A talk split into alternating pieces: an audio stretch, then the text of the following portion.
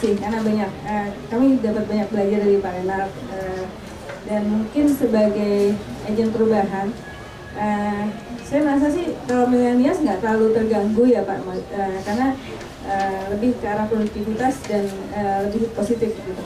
Nah untuk ke depannya Pak saya sebenarnya mau mau mengajukan saja untuk usul untuk uh, di bidang ekologi.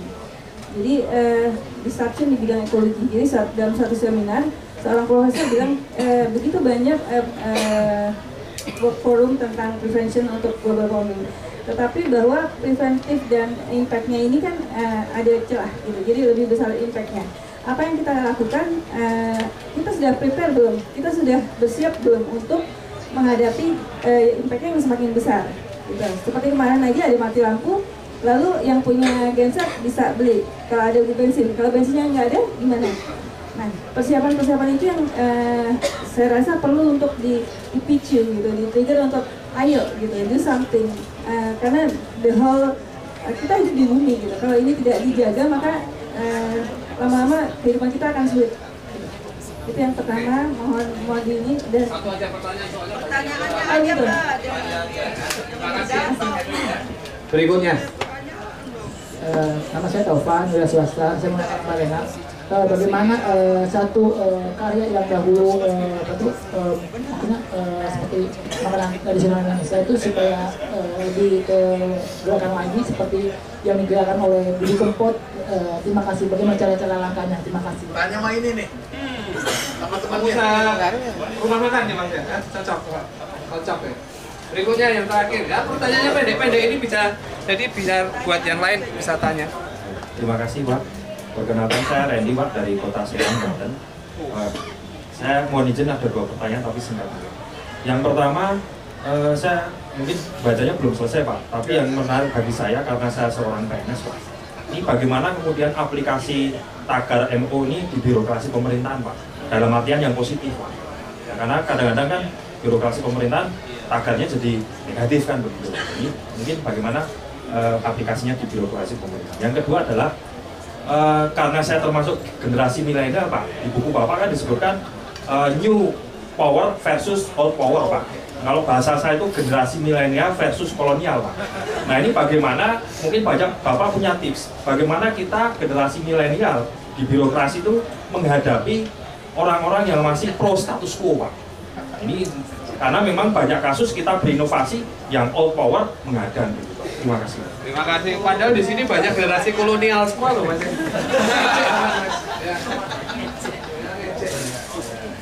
Pak Lena. Nih Mas Sus Bandoro mau bantu saya dulu ya. Jadi saya sambil bernafas dulu ya. Silakan Mas Sus.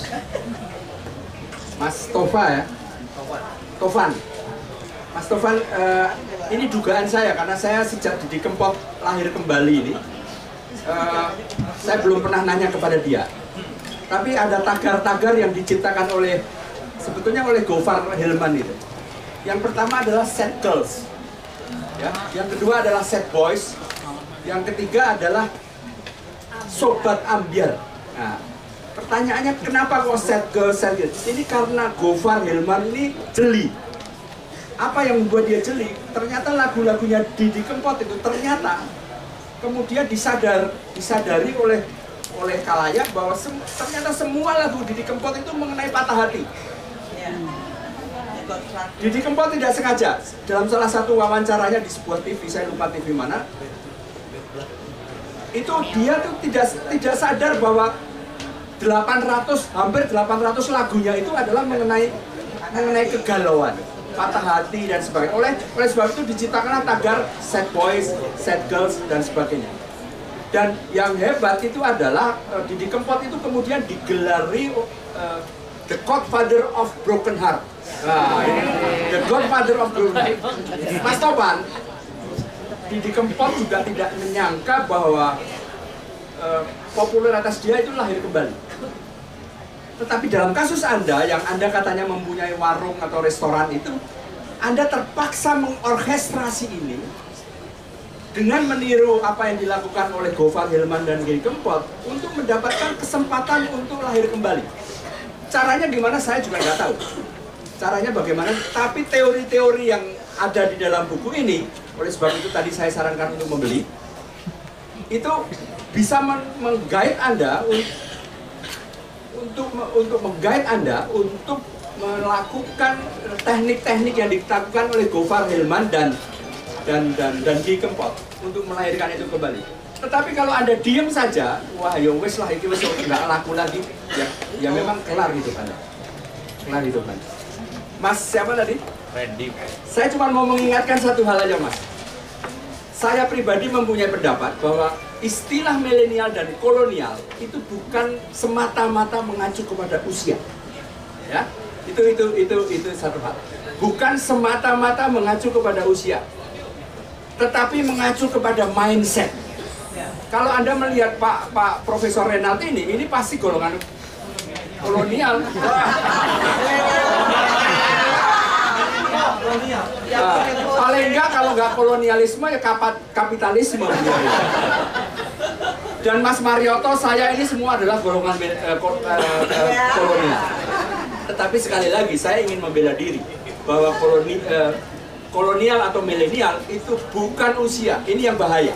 Bahayanya kenapa? Kalau Anda berumur 30 ke bawah atau 35 ke bawah, maka Anda akan mendeklarasikan diri Anda, saya adalah golongan milenial. So that saya menguasai digital, saya smart, saya eh, liar gitu, tidak tidak loyal, dan saya eh, akan sukses dengan sendirinya. Tidak selalu. Apa yang membuat Anda sukses? Bukan karena Anda berumur 35 tahun ke bawah atau saya berumur 55 tahun ke atas. Tetapi eh, Malcolm Gladwell mengatakan dalam bukunya bahwa kunci sukses selain bakat, cerdas, dan dukungan lingkungan yang bisa dilakukan oleh kita semua adalah satu kerja keras, dua pantang menyerah, dan tiga adalah siap untuk beruntung. Khusus untuk pantang menyerah, eh, pantang menyerah atau jangan menyerah, silahkan dengar lagunya The Massive. Jangan menyerah.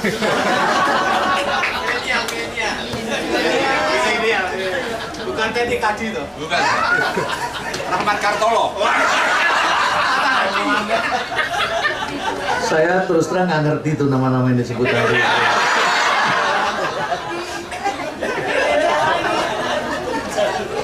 Saya taunya tulus. Coldplay saya masih tahu. Memang beda generasi gimana sih? Anyway, anyway ya, Em, Mbak Latia, saya kira-kira beberapa bulan, berapa, eh, dua tahun yang lalu saya diundang ke Austria oleh Peter Drucker Foundation, ya. Jadi itu adalah suatu yayasan yang untuk mengenang eh, mendiang Peter Drucker dan kami bertemu berapa tahun sekali, ya. Dan tema yang kami bahas di situ temanya adalah How to fix up the world. Bagaimana kita memperbaiki dunia ini. Karena memang banyak rusaknya ya. Bahasa jadi kehilangan estetika. Kita kan sudah mulai meninggalkan kata babu kan babu kita nggak gunakan napi kita nggak gunakan. Kita bilangnya warga binaan ya ini depan saya ada generasi jadul bingung mat, apa saya bikin silent nah uh,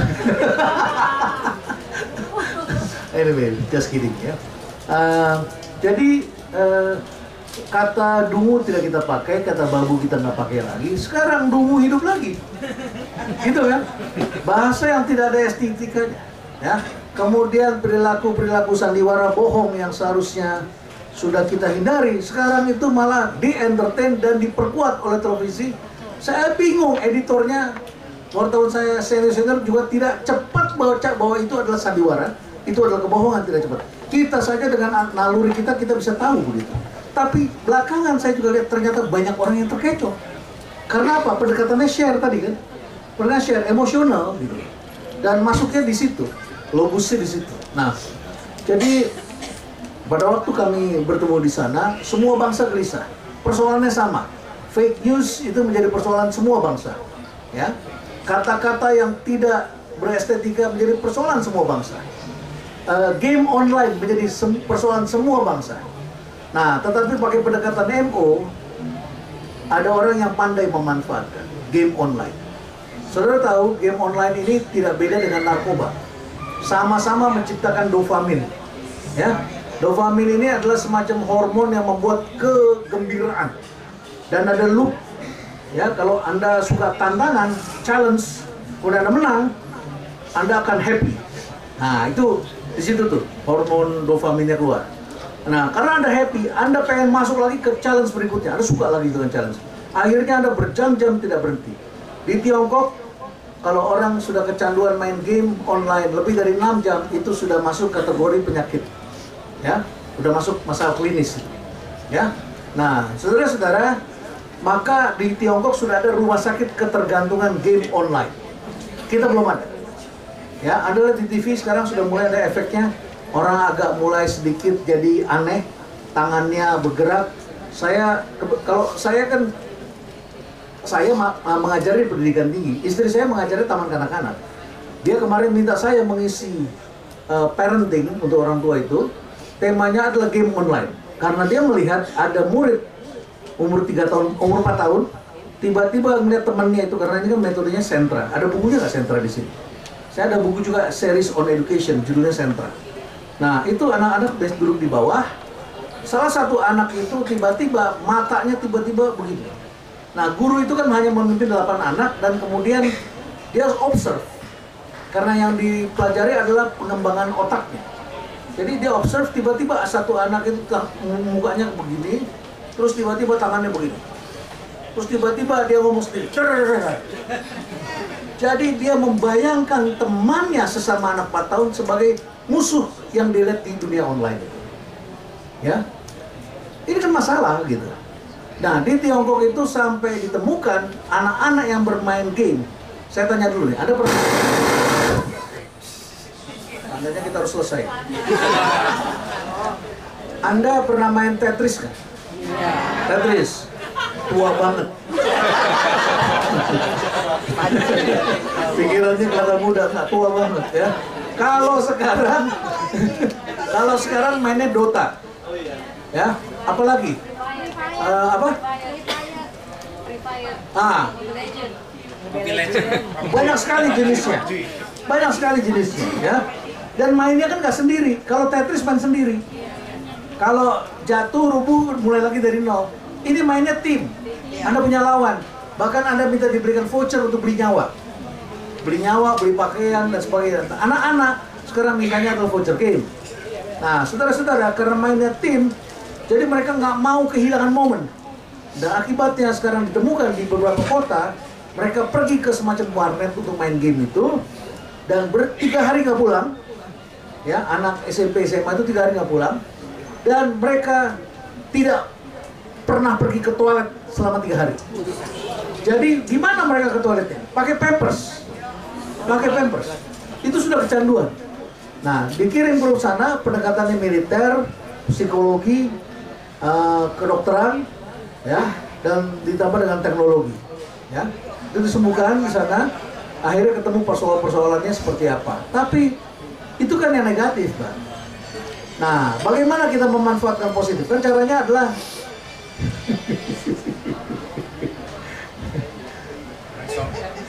Gelombang itu kan harus ditunggangi. Gimana cara menunggangi gelombang? Begini. Suatu ketika ada berita besar di Washington, seorang anak umur 10 tahun berhasil menyelamatkan keluarganya. Ketika pulang belanja, neneknya lagi nyetir mobil. Di dalam mobil itu ada nenek, ada dia, ada adiknya umur 4 tahun. Dalam perjalanan pulang, neneknya itu sambil nyetir mobil itu kena stroke dan kalau tidak ada yang bisa nyetir mobil, itu langsung ditabrak sama truk karena lepas kendali.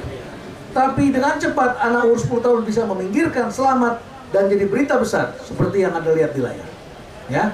Nah, saudara-saudara yang menarik adalah wartawan kemudian tanya, dari mana kamu bisa nyetir mobil? Kamu pernah, latihan nyetir mobil? Nggak pernah. Dari mana? Mario Kart. Mario Kart. Ya, main game. Dari situlah kemudian ya para pembuat online game mencari jalan untuk menggunakan hal positif. Jadi game itu jangan dipandang selalu negatif, ditunggangi. Nah, apa yang terjadi sekarang? Sekarang dikenal istilah namanya gamification. Artinya apa? Game bisa digunakan untuk tujuan-tujuan positif. Saya pada waktu peluncuran buku Shifting, saya mengundang saudara Vincent, co-foundernya Agate, pembuat game online Indonesia. Kemarin saya mengundang saudara Arif, co-foundernya. Ya, kalau saudara pergi ke Bandung tuh di uh, Gede Bage, ya, uh, di sana ada satu gedung yang baru tumbuh sana, itu gedungnya Agate di Sumarekon. Nah, si uh, Arif bisa menunjukkan bahwa investasi yang besar di Indonesia masih di film, tapi return terbesar dari online game, ya uh, berkebalikan. Nah, yang menarik mereka sekarang mulai masuk dan saya pertemukan mereka dengan Waskita Karya. Anda tahu Waskita Karya kan sempat gedungnya rubuh-rubuh kan? Apa? Tembok rupanya rubuh, terus kemudian dinding pembatas di jalan tol eh di airport ke airport tuh yang mereka bangun rubuh kan? Ya, sampai ada korban. Nah, kemudian setelah mendengarkan itu, direktur yang baru, Saudara Hajar, langsung kemudian mengundang mereka untuk membuat alat pelatihan dengan menggunakan game. Nah sekarang pelatihan untuk mengajarkan teknisi-teknisi di Waskita Karya untuk bisa bagaimana kualifikasinya meningkat, itu pakai pakai game, ya, pakai VR, bisa tuh dirubah jadi positif.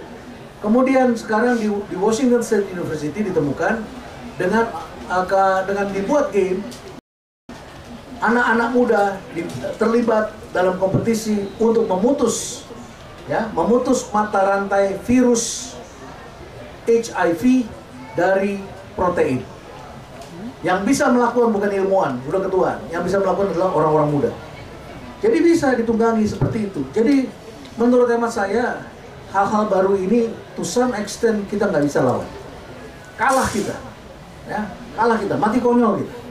Jadi caranya adalah memang harus ditunggangi, ya uh, semak-semak dilawan dengan semak-semak, game dilawan dengan game. Karena itu menimbulkan orang kecanduan. Nah, bagaimana sekarang kecanduan itu dirubah menjadi suatu challenge dan ada hadiahnya dari rewardnya membuat orang senang. Kira-kira begitu, ya. Nah, kemudian uh, old power new power. Ya kalau yang kedua saya kira udah jawab tadi ya. Uh, gini waktu kita belajar leadership kita dikasih tahu bahwa kita harus punya power. So what is power? Bertrand Russell menyebutkan power is the ability to create intended impact. Ability to create intended impact. Impact yang kita inginkan maka saudara melakukan investasi supaya punya power. Saudara sekolah sampai pinter, dapat gelar sarjana, menjadi orang berilmu, that is power. Dengan ilmu itu saudara bisa melamar ke perusahaan-perusahaan bagus. Ilmu adalah power. Keahlian adalah power. Ya, reputasi adalah power. Informasi adalah power.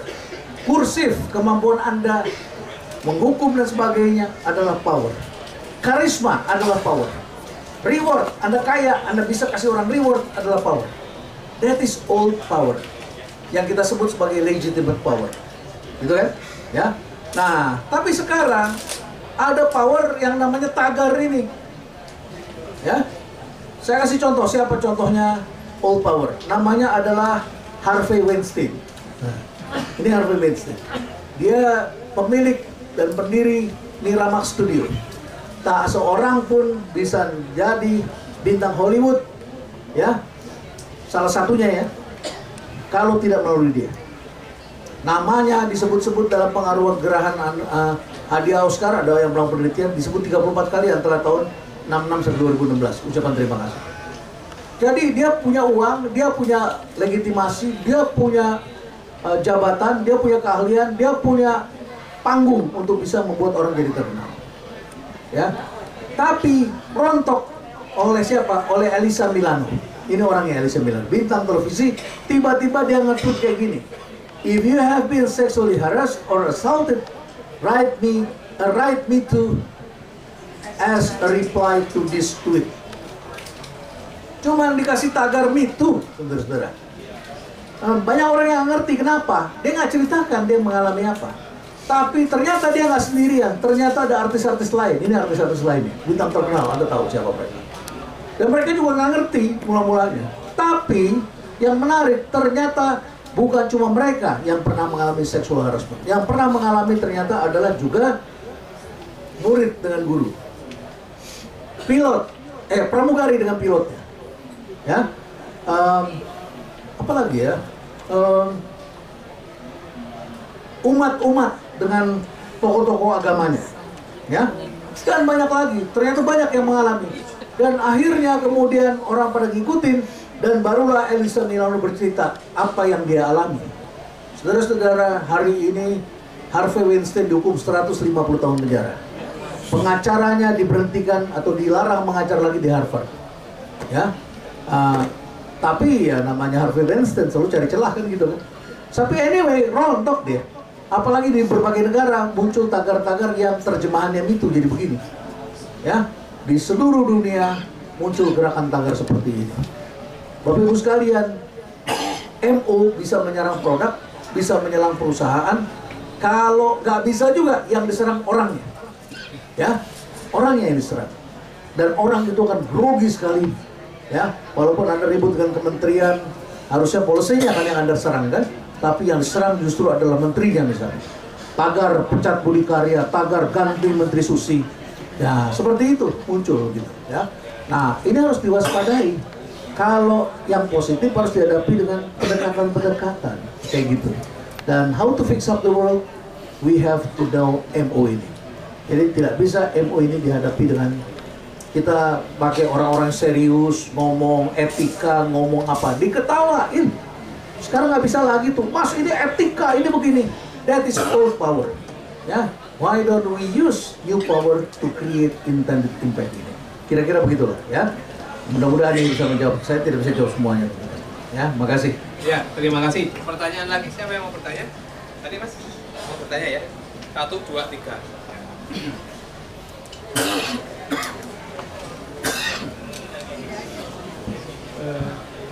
Selamat sore, Bapak Ibu sekalian semuanya. Terima kasih dikasih kesempatan oleh Pak Moderator untuk berbicara. Eh, mungkin saya dari IT dan mudah-mudahan dianggap milenial ya. Walaupun rambutnya udah udah agak-agak tipis gitu.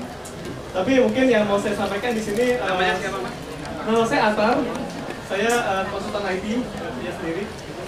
Jadi yang ingin saya ceritakan sebenarnya atau menanyakan ke Belakangnya pakai halilintar nggak? Nggak. Ah. sayangnya saya nggak sukses uh, Atta Halilintar sayangnya.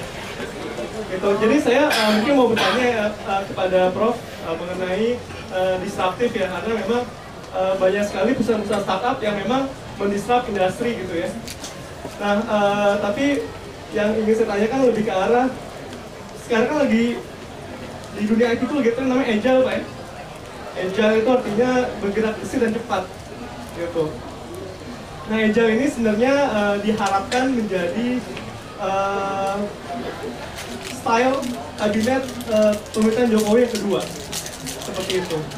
Nah, eh, saya ingin bertanya kepada Profesor, eh, seperti apa sih eh, dari sisi eh, Profesor mengenai eh, apa sih yang dimaksud dengan agile dan seperti apa karakter-karakter yang memang eh, masuk ke dalam eh, orang-orang yang dikategorikan sebagai eh, milenial dan agile dan bisa mem- membuat perubahan di pemerintahan kedua dari eh, Jokowi. Mungkin itu aja dari saya. Terima kasih. Terima kasih. Ya, terima kasih. Terima kasih. Ibunya.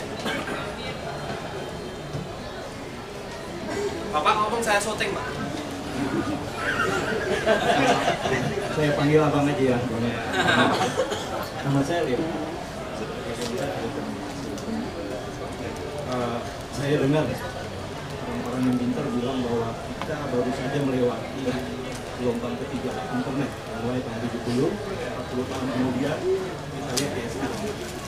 Terus ada yang bilang juga eh, tempat ini bakalan masuk ke internet kedua namanya. Ada yang bilang ini era DOT distribution dan teknologi. Eh, intinya internet bicara kalau DOT itu bicara trust dan salah satu yang abang lanjutkan tadi crowdfunding itu bicara trust dan itu udah dipakai. Ya. cari dana dulu masih eh, angel investor bahkan venture capital. Sekarang orang-orang semua bisa tapi supaya trust pakai video ini nah yang saya mau tanya gini pak bagaimana MOE positioningnya eh, terhadap wave ini Pak? apakah sudah juga terkait ke sana atau gimana?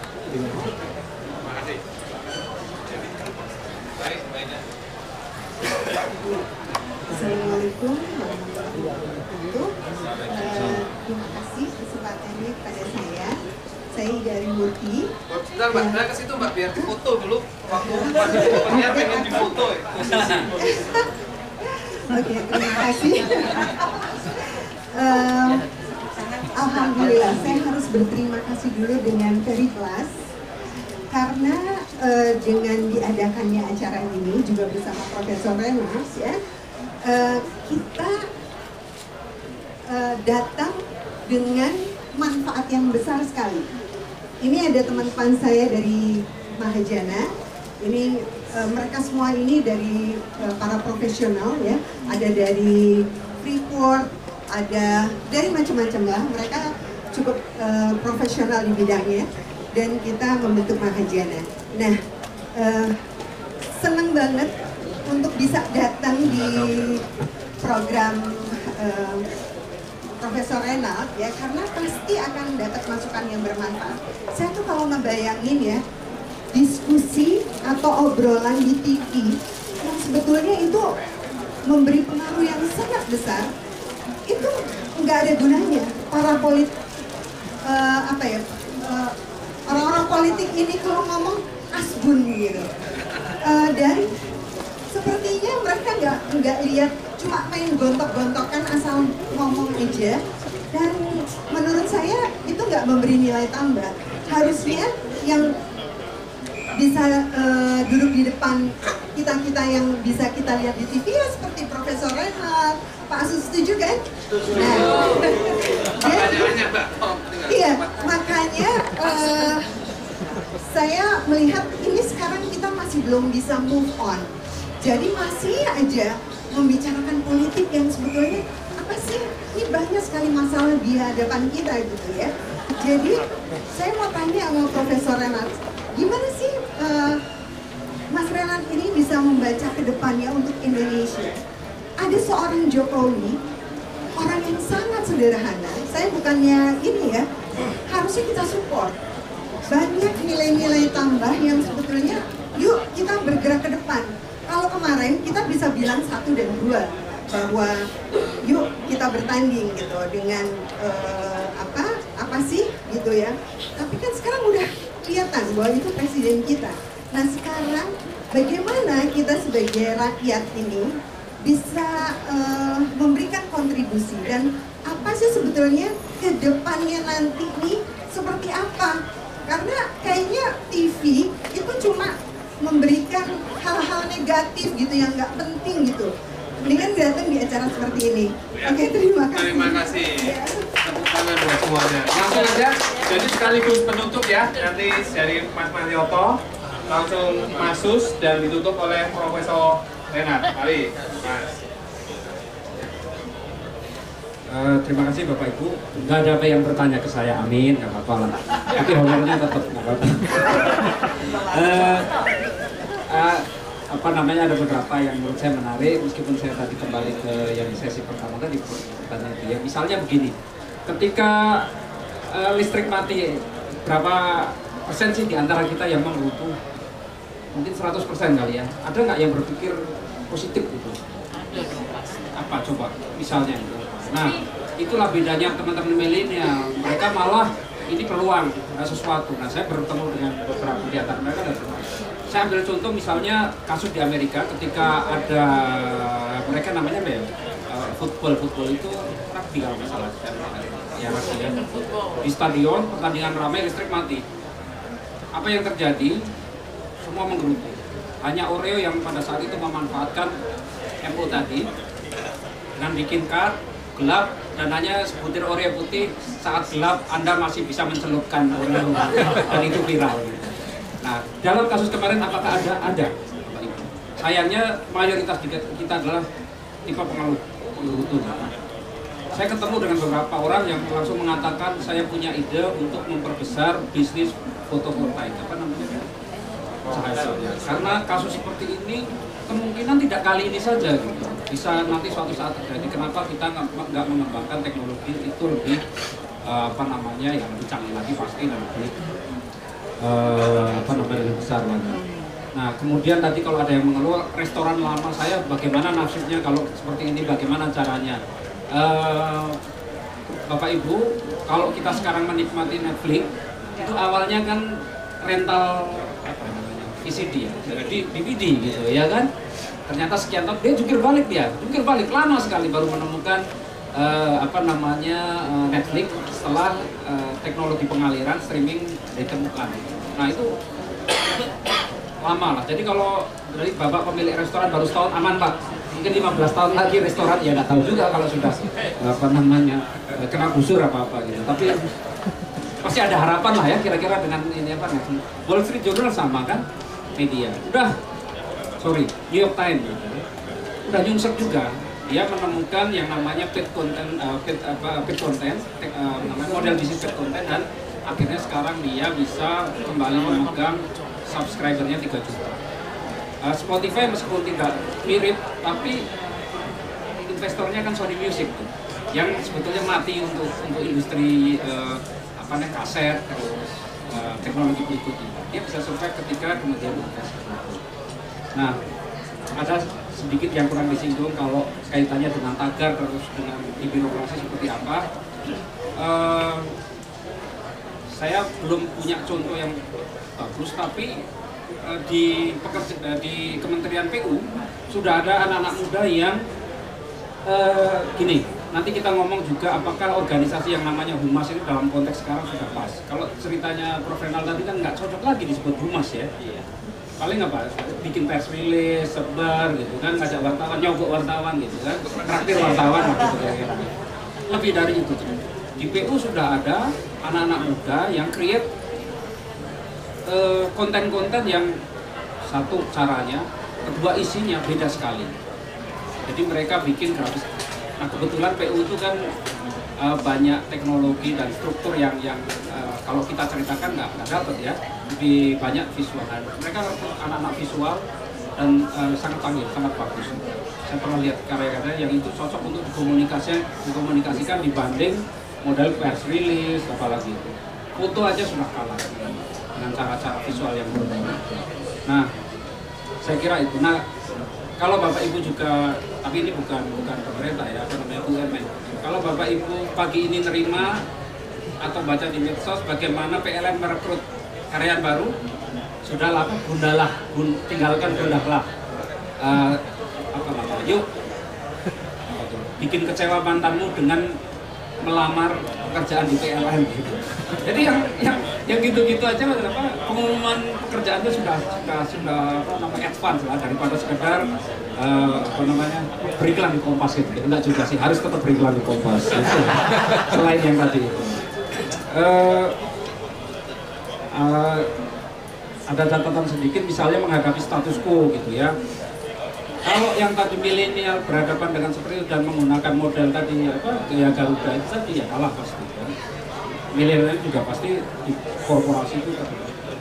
yang dipikirkan oleh owner atau komisaris atau siapa pun ya di situ ketika melihat uh, problem perusahaan dan itu uh, kita diberi kepercayaan pasti ujungnya adalah harus kita akui profit dulu tidak berarti harus menyulap saat itu perusahaan untung, tapi setidaknya pemilik pemegang saham melihat ada cahaya. Nah, dalam kasus ini kalau kita berkaca dari Gojek, orang akan ngomong Gojek secara keseluruhan, bakar duit, bakar duit. Tapi ketika itu, ketika melihat GoFood, bagaimana bisnis modelnya sudah terbentuk, uh, apa namanya pemilik restoran kan juga sudah mulai uh, kayak wajib bayar sekian persen gitu kan.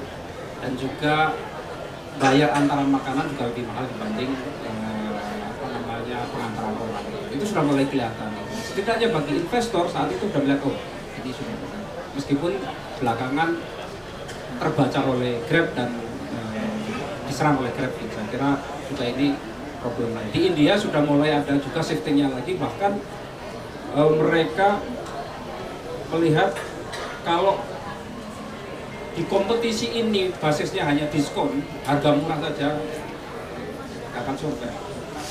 Ada startup di India yang sudah shifting ke bikin label sendiri, makanannya itu di label sendiri. Ya, setidaknya kalau di Indonesia mungkin nanti GoFood ada ada apa namanya vendor dia merek ke sini. Saya nggak tahu apakah itu sukses atau enggak, tapi setidaknya ini uh, apa namanya mereka lihat kalau model-model yang sekarang sepertinya tidak survive, mereka geser ke uh, apa namanya model bisnis lain.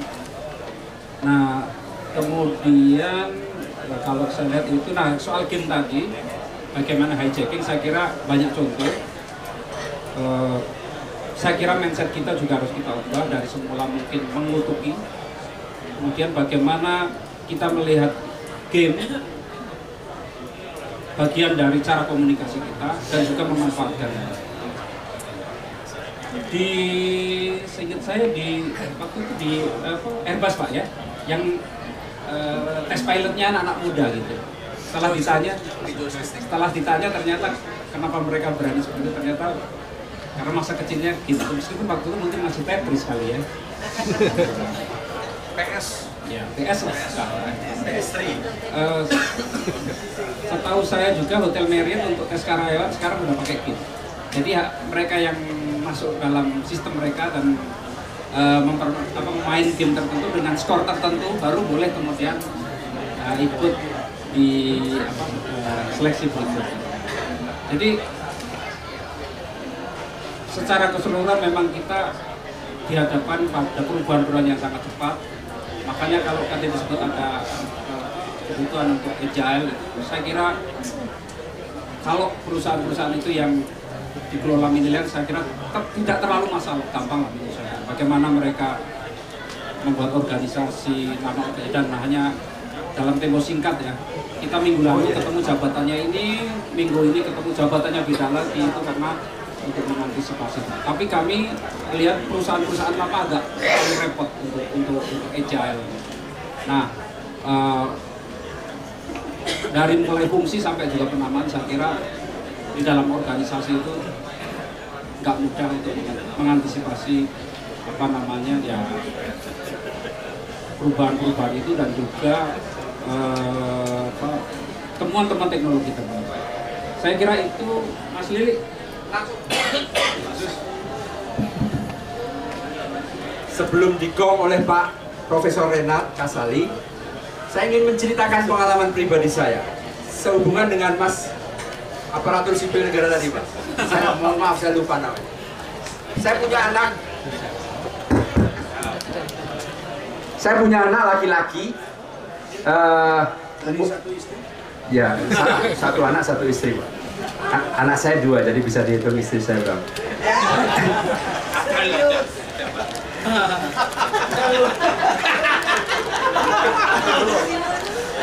Ini Profesor Renat yang ngajari ya. Jadi anak saya hari eh, sekarang ini umurnya kira-kira 31 tahun laki-laki. Dia lulus dari ITB, sangat sangat engineering gitu ya, sangat sangat teknis.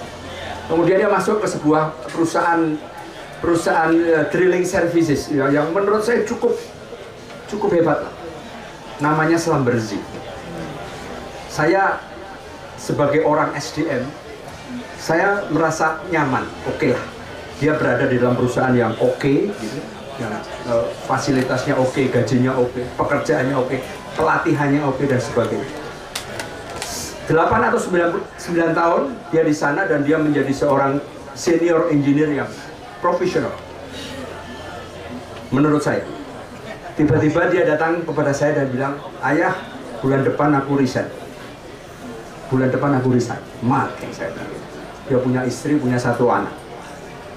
Saya cuma batin aja kenapa dia resign dari sebuah perusahaan yang menurut saya itu sangat ideal. Saya hanya berpikir, oke lah itu terserah kamu, kamu udah dewasa. Hanya saja kalau kamu kehabisan duit, jangan minta kepada saya.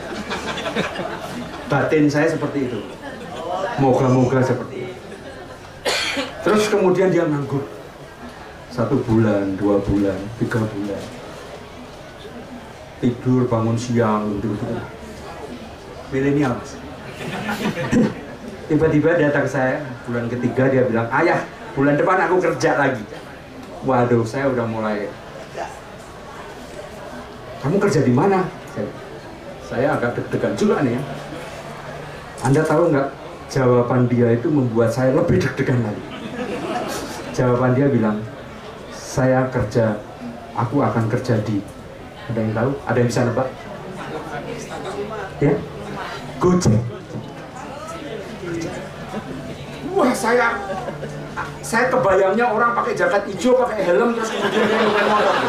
Seorang drilling senior drilling engineer yang profesional yang yang menurut saya hebat, gajinya gede, kemudian dia pindah ke sebuah perusahaan yang pakai jaket hijau nyopir motor ya. Ternyata enggak. Dia kerja di Gojek dan dia menjadi uh, operation manager di Depok dan Tangsel. Dan waktu 3-4 bulan Kemudian dia datang lagi, ayah aku barusan promosi. Jadi district manager. Empat bulan. Teman-teman sekalian, kembali dari perspektif manajemen sumber daya manusia. Kalau saya jadi human resources manager di Gojek Atau recruitment manager di Gojek Saya tidak akan terima dia. Millennials Saya tidak akan terima dia. Kenapa? Exposure-nya tidak ada. Tidak relevan ilmunya, knowledge-nya tidak ada. Uh, experience-nya tidak ada, nol semua. Tapi dia kemudian diterima dan dalam waktu tiga bulan di, atau empat bulan dia promosi. Nah, ini yang oleh buku ini kemudian di di, di sistematisir menjadi perjalanan tadi yang ada di ini shaping dan sebagainya saya nggak hafal itunya ya dan kalau Anda sekarang kebetulan menjadi manajemen di sebuah perusahaan atau menjadi SDM manager di sebuah perusahaan, jangan ikuti lagi apa yang dulu pernah saya ikuti sebagai direktur SDM di sebuah perusahaan terkenal. Kalau itu Anda masih ikuti saya lakukan 20 tahun yang lalu, kelar hidup Anda. Sampai di sini, Profit.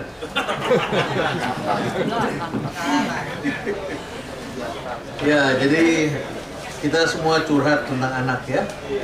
Karena salah satu kebutuhan kita sekarang ini adalah dikunjungi anak. Ya, kita semua rindu didatangi anak, anak kita sibuk sendiri. Ya, ini karma juga bagi kita ya. Ya, sama orang tua kita begitu juga ya.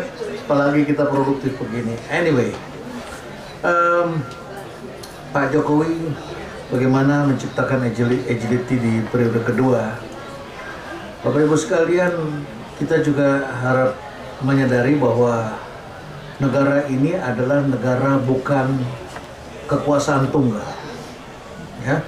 Negara ini adalah berbagi kekuasaan, ada presiden, ada gubernur, ada bupati, ada ada legislatif, ada yudikatif Mahkamah Agung dan ada komisioner-komisioner yang juga berkuasa. Ya, uh, Anda tidak bisa berharap bahwa agility tanpa batas, tidak bisa. Kita mengharapkan bandingkan diri kita dengan Vietnam saja sebelum kita udah mulai gagal paham.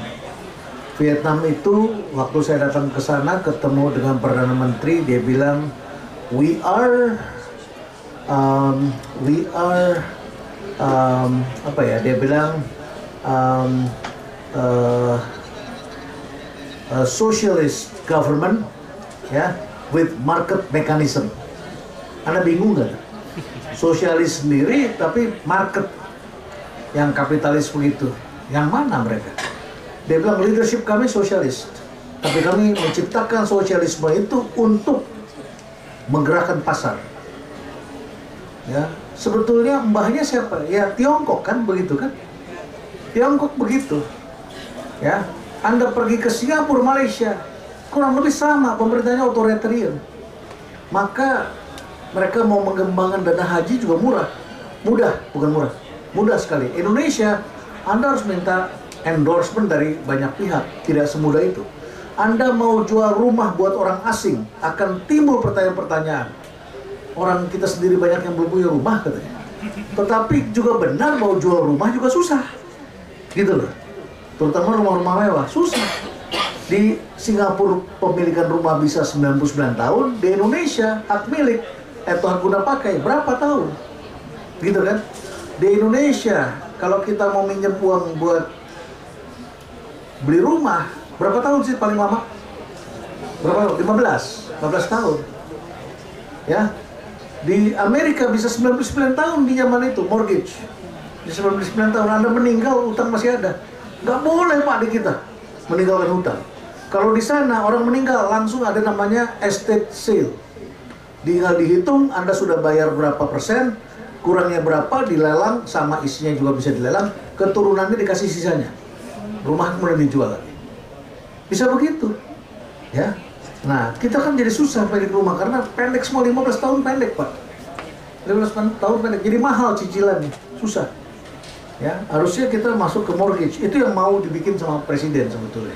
Maka itu memerlukan bankir-bankir hebat untuk terlibat dalam hal seperti ini. Nah, Bapak Ibu sekalian, bagaimana kita mau jadi agile? Agile dalam constraint. Ada empat jenis orang berlari. Yang pertama adalah sprint. Kalau waktu kita pendek, tidak ada uh, rintangan kita bisa sprint. 100 meter, begitu diangkat, ya 22 Oktober besok tembak ke atas, ces, lari kencang, nggak ada rintangan. Tapi jangan-jangan kita ini waktunya pendek, harus lompat gawang. Ya, jadi the most agile leadership yang bisa kita capai itu adalah tadi lompat gawang itu. Tidak bisa lari bebas, tidak apple to apple berbandingkan diri dengan Vietnam. Di sana Anda mau melihat mau bikin jalan apa pun tinggal lurus, geser. Di kita jalan-jalan kan harus kelok-kelok. Kenapa? Di sini nggak mau ngasih kita belok sedikit, jadi tambah panjang. Ya, Anda keluar aja tuh dari airport Palembang. Begitu Anda keluar, jalan pertama itu masih lurus. Itu yang mau Jepang. Begitu lewat sedikit, mau ke kota itu jalannya udah kelok-kelok begitu. Karena yang bangun kontraktor kita. Jepang itu nggak mau tahu dengan anak buahnya langsung bawa kapur. Ini saya minta besok dibongkar. Ini bongkar. Wah, Jepang enak aja. Tapi kita nggak bisa. Kosnya terlalu mahal. Terutama adalah kos persatuan dan lain sebagainya. Ya, belum lagi nanti ada orang yang memobilisasi opini dan sebagainya. Jadi Pak, begitu ceritanya. Bagaimana melakukan perubahan diperlukan art tingkat tinggi ini. Nah, saya percaya, entah kenapa saya percaya ya dengan presiden kita ini, rintangannya yang dihadapi berat. Di- di- Dia memimpin ketika dunia mengalami pelambatan. Tahun depan ini terdapat ancaman resesi besar di dunia. Ya, Uh, dia menghadapi ancaman perpecahan.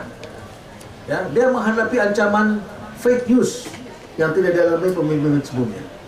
Tapi entah kenapa, nah ini saya saya pernah ketemu sama ibunda, ibundanya Pak Jokowi. Saya bilang jangan-jangan doa ibu di sana. Dan ibunya Jokowi itu mendiam begitu. Karena saya merasakan ketika saya menghadapi kesulitan berat, ya beberapa kali saya bisa lolos. Dan setelah saya renungi, ternyata ibu saya sedang memikirkan saya. Dan kalau ada kesulitan seperti itu, ibu saya pasti puasa buat saya. Ya, ibu saya selalu mendoakan saya dan itu saya rasakan gitu. Hari ini saya mencoba membantu orang, menolong sebisanya. Kenapa? Karena saya tahu ini akan berdampak pada anak saya. Begitu. Nah, saya melihat presiden kita ini setiap kali menghadapi satu kesulitan sedikit, spiritualnya begitu. Undang-undang yang sulit digolkan bisa gol. Gitu. Ya, Anda kan tahu di periode pertama kan partai pendukungnya berapa, media yang mendukung dia siapa, begitu kan? Berat, tidak mudah begitu. Ya, pusat daerah. Nah, perpindahan ibu kota kelak akan bisa memisahkan kepentingan daerah dan kepentingan pusat. Sekarang ini Anda melihat apa-apa Jokowi, apa-apa Jokowi. Semuanya Jokowi. Ya, mau kali keruh Jokowi. Mau demo buruh Jokowi. Padahal buruh itu upahnya adalah urusan gubernur yang men-set itu. Tapi semuanya presiden. Jadi Jakarta ini selalu demonya ke istana. Jadi nanti kalau ke Kalimantan ongkosnya harus lebih besar. Ongkosnya harus lebih besar gitu ya. Jadi ada sisi lain gitu ya saya lihat gitu ya. Apakah berhasil? Plus minus. Tidak bagaimana kita membaca ke depan. Hah, nggak tahu saya deh. Nggak tahu saya cuma ber- berharap begitu. Selalu ada ada ada ada apa ya? Ada ada harapan-harapan lah begitu ya. Ya, harapan-harapan. Harapan saya adalah ke depan Indonesia ini tetap bersatu gitu kan. Eh, dengan segala kekurangan. Dengan segala kekurangan. Saya hanya berharap kita lebih makmur. Kalau lebih makmur, masalahnya kemakmuran itu adanya dalam pikiran kita. Even saudara punya uang besar pun, saya yakin mungkin saya dibandingkan Anda sebagian, mungkin saya lebih kaya. Tapi mungkin juga sebagian lagi saudara adalah lebih kaya lagi dari saya. Tapi apakah saya pernah merasa bahwa saya kaya? Ya, ketika saya punya uang, saya tidak merasa kaya. Tapi ketika saya harus melakukan sesuatu, saya merasa pemberian Tuhan sangat besar pada saya. Gitu. Jadi saya berpikir kaya itu sangat relatif, tapi kalau kita lihat dari segi materi sebetulnya, saudara belum pernah tinggal di Amerika, yang belum pernah tinggal di Amerika, barangkali saudara harus sedikit lebih lebih buka mata. Saya kebetulan 6 tahun, 7 tahun tinggal di Amerika begitu ya. Dan saya melihat kasihan warga Amerika itu, kasihan. Rumahnya plain, kosong. Masih banyak waktu saya, saya zaman di sana masih banyak masyarakat yang televisinya hitam putih. Ya, banyak yang hidupnya dari public aid. Ya, banyak yang tidak mempunyai wawasan luas. Dan kalau kita sekolah S2 S3, siapa yang sekolah S2 S3? Orang Asia. Siapa yang memberi tas Louis Vuitton di Paris? Ya. Mahajana. Ya. Amin ya. Ah, itu namanya bersyukur ya. Nah, bersyukur. Saudara ikut antri deh di di Paris itu. Siapa yang antri? Orang Indonesia ya. Ya. Orang Indonesia dan orang Tiongkok, dua bangsa itu yang beli. Orang Eropa dan orang Amerika itu sudah pakai tas yang recycle. Sudah larinya ke sana. Tapi orang kita, sekarang Anda jalan ke kampung. Susah lewat. Mobil ada banyak di pinggir jalan. Punya mobil nggak punya garasi itu banyak sekali. Ya kan? Banyak sekali. Minimal rumah tangga tuh punya dua sepeda motor saat ini. Jadi kalau dari material, ya. Tapi kan kebahagiaan ini tidak karena material. Persepsi orang bahwa dia kaya miskin itu sangat kompleks gitu. Sangat kompleks di situ. Tapi rasa percaya diri juga harus dibangun. Ya. Eh, tantangan apa yang ke depan akan dihadapi? Saya yang saya takuti adalah kita akan berhadapan dengan bangsa kita sendiri. Itu yang saya khawatir ya. Eh, dengan metode MO ini saya berharap ya siapa pun yang memimpin seperti pesan presiden gunakan cara-cara baru ya. Gunakan cara-cara baru. Dalam pendidikan kesehatan oh banyak sekali. Saudara bisa lihat film dokumenternya eh, eh, eh, Netflix atau di mana ya? Judulnya diagnosis. Bagaimana Dr. Lisa Sanders menggunakan crowd dengan metode MO itu? Kalau saudara lihat itu pasti tuh MO langsung saudara lihat. Kalau saudara baca bukunya saudara pasti tahu tuh MO dia menggunakan crowd untuk menganalisa pasien yang tidak ketemu diagnosa. Sehingga bangkrut. Dan dia membuka GoFundMe. GoFundMe itu situs kita bisanya Amerika dan di situ banyak orang yang bangkrut minta bantuan dari masyarakat. Karena sakit datang ke dokter diagnosanya nggak ketemu. Gimana kamu bangkrut? Pergi ke dokter terus tapi nggak ketemu diagnosanya. Sakit apa nggak tahu. Salah satu yang saya tertarik adalah seorang anak kecil yang setiap beberapa menit sekali jantungnya berhenti. Dan tiba-tiba dia hilang tiba-tiba tek begitu. Tapi nggak mati. Berapa detik kemudian bangkit lagi hidup lagi dan salah satunya lagi adalah seorang perempuan namanya Angel yang tiba-tiba lagi jalan ototnya kaku seperti lumpuh, mulutnya terkunci, tidak bisa bicara. Masuk ke rumah sakit, sakit yang minta ampun dan pada saat dapat serangan itu, urinnya itu menjadi seperti air coklat yang keruh seperti kopi.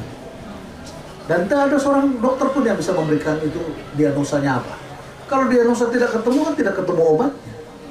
Tapi dia menggunakan MO dan kemudian bawa ke publik pakai crowd dan dia bilang saya bukan dokternya Angel tetapi saya menggunakan crowd untuk menjelaskan diagnosanya terhadap Angel ini bagaimana.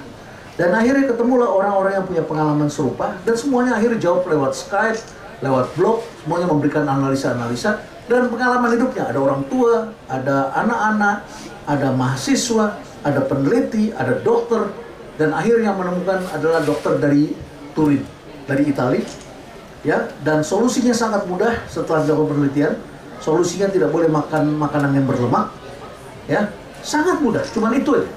Tapi kata dokternya, iya, solusinya sangat mudah, tapi perlu waktu 2 tahun untuk menemukan ini katanya. Nah, crowd ini menjadi sangat berdaya guna, digunakan untuk mengatasi berbagai persoalan. Karena ada enam pilar tadi. Jadi presiden kita kelak bisa membangun ekonomi Indonesia tanpa 100% mengandalkan APBN. Ya. Selain APBN kita bisa gunakan crowdfunding. Pendidikan, rumah sakit, kesehatan, ya, uh, kegiatan keagamaan bisa menggunakan sumber-sumber dana dari seluruh dunia, tidak hanya dari Indonesia. Lewat apa? Crowdfunding. Dan kita memerlukan crowdfunding kelas internasional saat ini. Ya, jadi itu sangat besar. Nah, cara-cara baru inilah yang tentu kita semua rindukan. Kelak kita tidak perlu lagi menterin guru dalam jumlah besar. Karena yang dibutuhkan adalah nanti adalah fasilitator. Guru terbaik SMA 8, SMA Canisius, SMA Tarakanita, Santa Ursula, Penabur, SMA 28. Sekolah-sekolah terbaik itu ya, ambil gurunya, bikinkan videonya atau ngajar pakai hologram. Mereka akan tampil di sekolah-sekolah karena sekarang selain IndiHome sudah ada Strumnet punyanya PLN. PLN itu menyebarkan listrik menggunakan serat optik. Salah tahu saya itu serat optik. Ya, jadi meter listrik di depan rumah itu adalah bisa berpotensi menjadi wifi. Dan kalau itu sampai ke desa-desa, PLN mempunyai 70 juta pelanggan, ya, maka kita bisa menjangkau dengan cara baru dan gurunya nanti hanya membantu untuk deep learning. Bukan lagi mengajarkan rumus, tetapi deep learningnya dan menjadi fasilitator. Tugasnya lebih ringan, tapi diperlukan keahlian baru untuk menjadi guru ke depan. Percuma kita menjadi guru apa ya, guru teknis gitu ya, guru core gitu ya. Tetapi adalah bagaimana mengorkestrasi ini. Bagaimana BPJS diatasi dengan membantuan crowd dan sebagainya. Ya, gunakan cara-cara baru. Nah, saya tutup dengan uh, video untuk menjelaskan yang sudah saya pernah sebarkan supaya anda punya gambaran aja. Um, mas Atar saya mohon maaf ya mas. Ini kan telur nih mas. Pernah ada telur nggak? Coba kalau lihat telur kayak gini, anda telur ini apa? Kesannya mau apa telurnya? Mau netas.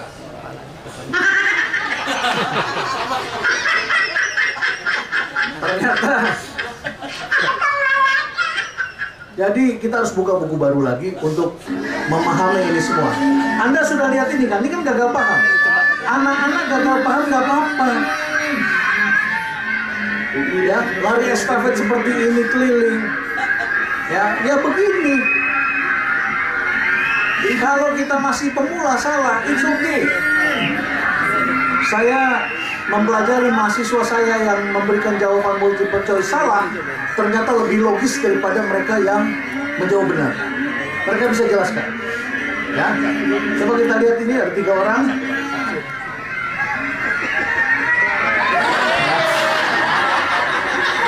Kan gagal paham kayak gini. Ada gagal paham dia kenapa? Karena dia masih pemula. Saya kalau di debat oleh pemula biasa aja lah gitu. Ada abu kan?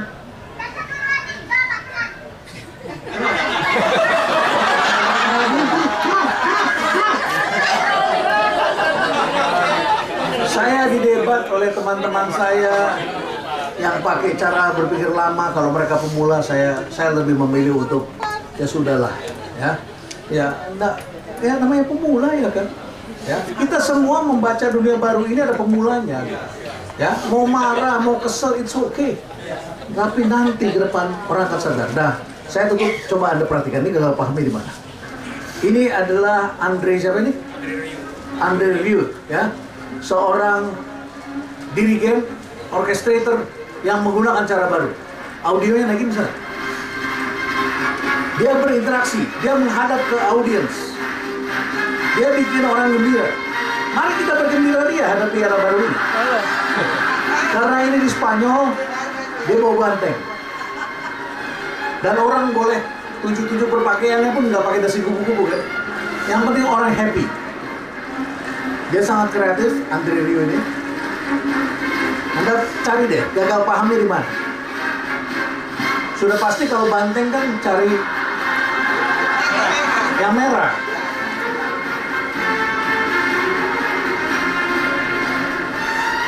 Jadi kita jangan cepat-cepat nyinyir lah. Ya.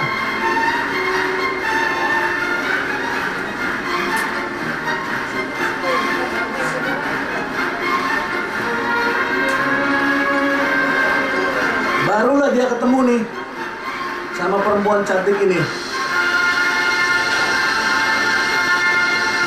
Ah, itu.